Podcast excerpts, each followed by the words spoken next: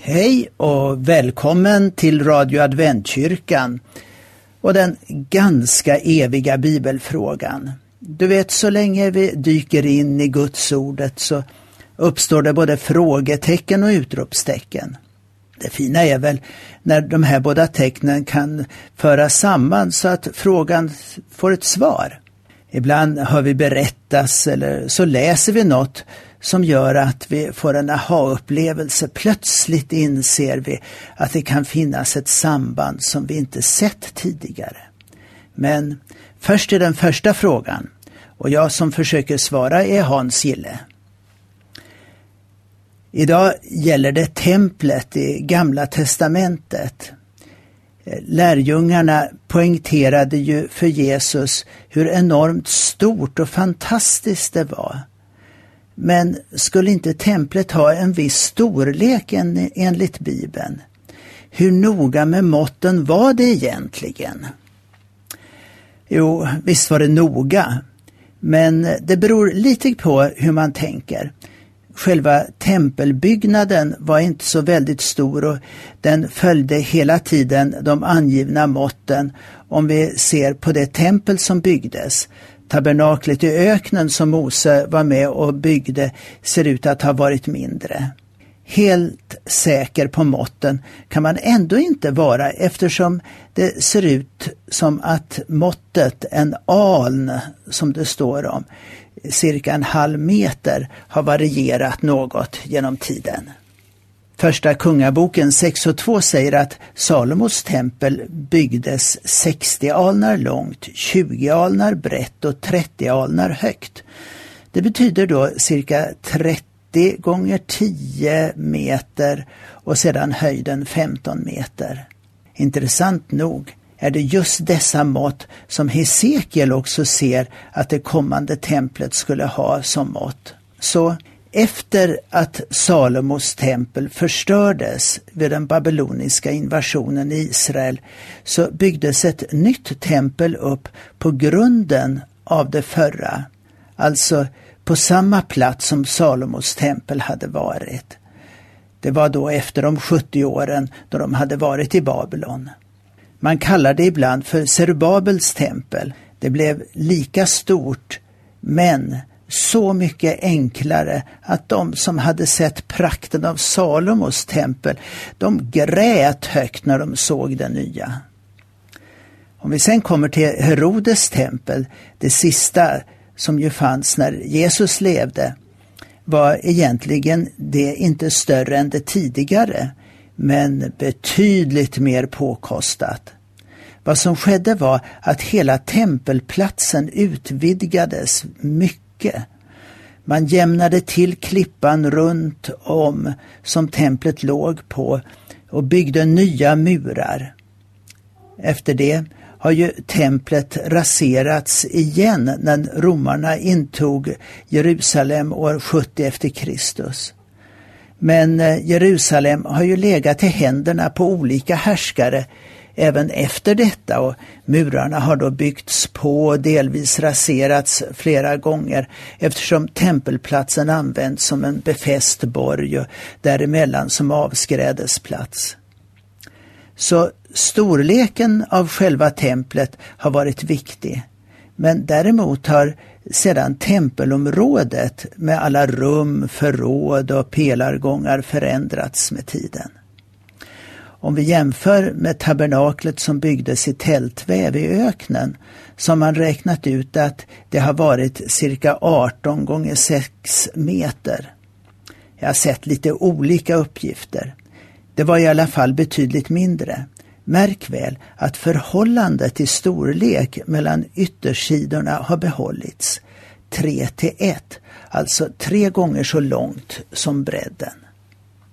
Idag är det mycket av den gamla tempelmuren som har försvunnit under markytan också eftersom stan gång på gång har byggts upp på de gamla ruinerna. Det kan man se om man går genom den underjordiska gång som blivit utgrävd som följer längs med muren. Man är då nere på det plan som Jesus och lärjungarna stod på när de tittade upp på muren. Här kan du också finna den största stenen som funnits i muren. Den är enorm. Man har räknat fram till att den är 13,6 meter lång och en höjd på hela 3 meter och den uppskattade bredden varierar från 3,5 till 4,5 meter. Hela kolossen väger cirka 570 ton. Man står med viss bävan och ser sånt. Alla delarna av muren som kommer från Jesu tid är helt släta och med en smalare inhuggen ram runt kanterna. Det gör det numera enklare att se vilka delar som hör till Herodes tempel eller de delar som byggts vid senare tillfällen. Det finns inget murbruk mellan stenarna. De är exakt uthuggna redan vid stenbrottet så att de passar perfekt när de läggs på plats eller lades på plats. Dessutom är stenarna så tunga att de ligger still utan cementen. Jag läste att kalkstenen som används i bygget är relativt mjuk när den bryts så att det är möjligt att såga i den. När den sedan ligger i luft och sol så hårdnar den. Det som i dagligt tal har kallats för klagomuren är en del av just den västra tempelmuren. Det kallas egentligen för kotel på hebreiska och är helt enkelt en böneplats. Och särskilt då vid de judiska högtiderna där det samlas mycket folk här. Det är idag inte förknippat med klagan utan bön. Runt om står det hyllor med olika böneböcker som man kan låna om man inte har med sig själv för bönen. Varför samlas man just vid den här delen av muren? Det är här man har räknat ut att man kan komma närmast till var det allra heligaste templet en gång låg. Uppe på själva tempelplatsen kan man ju inte tillbe på grund av moskéerna där. När Jesus talade om tillbedjan med den samariska kvinnan så kanske ni kommer ihåg att han sa Tro mig kvinna, den tid kommer då det varken är på det här berget eller i Jerusalem som ni ska tillbe Fadern. Men den tid kommer, ja den är redan här, då alla sanna gudstillbedjare ska tillbe Fadern i ande och sanning. Så vill Fadern att man ska tillbe honom. Därför blev det heller inget problem med tillbedjan för de kristna när templet inte längre fanns. Stora delar av Nya testamentet kom ju till efter att templet förstördes, men ingenstans är detta uppmärksammat. Så till en fråga till som jag har här. När Jesus uppstod så berättas det att man såg en del andra människor som också uppstod. Var står det i Bibeln? Ja, det här finner man omtalat i Matteus evangelium, det 27 kapitlet och verserna 51 till 53. Och det är bara Matteus som har med den här berättelsen. Vi läser så ser vi. Då brast förhänget i templet i två delar, uppifrån och ända ner. Jorden skakade och klipporna rämnade, gravarna öppnades och många avlidna heliga fick liv i sina kroppar. Efter hans uppståndelse kom de ut ur gravarna och gick in i den heliga staden och visade sig för många. Som ni ser så knyts den här händelsen egentligen redan till Jesu död, men inte bara till det utan också till hans uppståndelse. Men på något sätt så är det ju ändå just uppståndelsen det handlar om. Kanske händelsen är viktig ur ett annat perspektiv också. Det vi brukar kalla Oljeberget heter ju egentligen Olivberget i våra biblar. Det fanns mycket olivträd i sluttningarna. Av oliverna pressade man ut olja, så kopplingen mellan namnen är ju enkel. Men Olivbergets sluttningar är en viktig helig plats inom judendomen. Berget har varit en judisk begravningsplats i säkert 3000 år menar man och en uppskattning säger att här skulle finnas 150 000 gravar.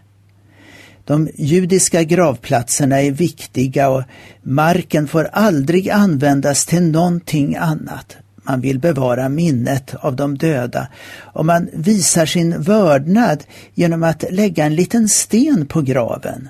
Här finns inga sådana här vertikala gravstenar som vi har, utan det är som stenkistor som ligger tätt vid varandra med smala gångar emellan. På dessa stenkistor är det då alltså som man lägger de här ofta ganska små stenarna. Gravområdet kan vara ganska stort och för en nordbo får gravplatsen intrycket av en stenöken. Så mycket sten och så lite växtlighet. Man kan ana också den förtvivlan som många israeler kände då Livberget tillhörde Jordanien före 1967 och 38 000 gravar förstördes här. Nå, på Livberget är många kända personer begravda, politiker, rabbiner med flera. Här i området finns också gravar från de judiska templens olika perioder. Profeternas grottor och kung Davids grav ligger också mycket nära, liksom Absalom, kung Davids son, som är begravd här. Så just gravplatserna på Livberget är faktiskt, om man nu vill ha en gravplats där, väldigt, väldigt dyra. Men det är något mer som ger platsen dess värde ur judisk synvinkel. Den judiska traditionen lär nämligen ut att judar som är begravda på Olivberget kommer att vara de första som uppstår när Messias kommer och den messianska tiden ska börja för dem.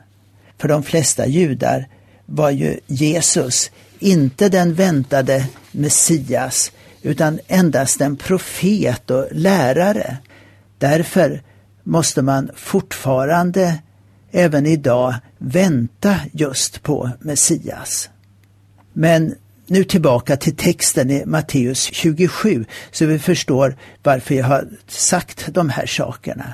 Det står här att här vill Matteus understryka att till och med denna förväntan om att döda skulle uppstå vid Jesu första ankomst här faktiskt blev verklighet. Ännu med andra ord ett tecken på att Jesus verkligen var den väntade Messias.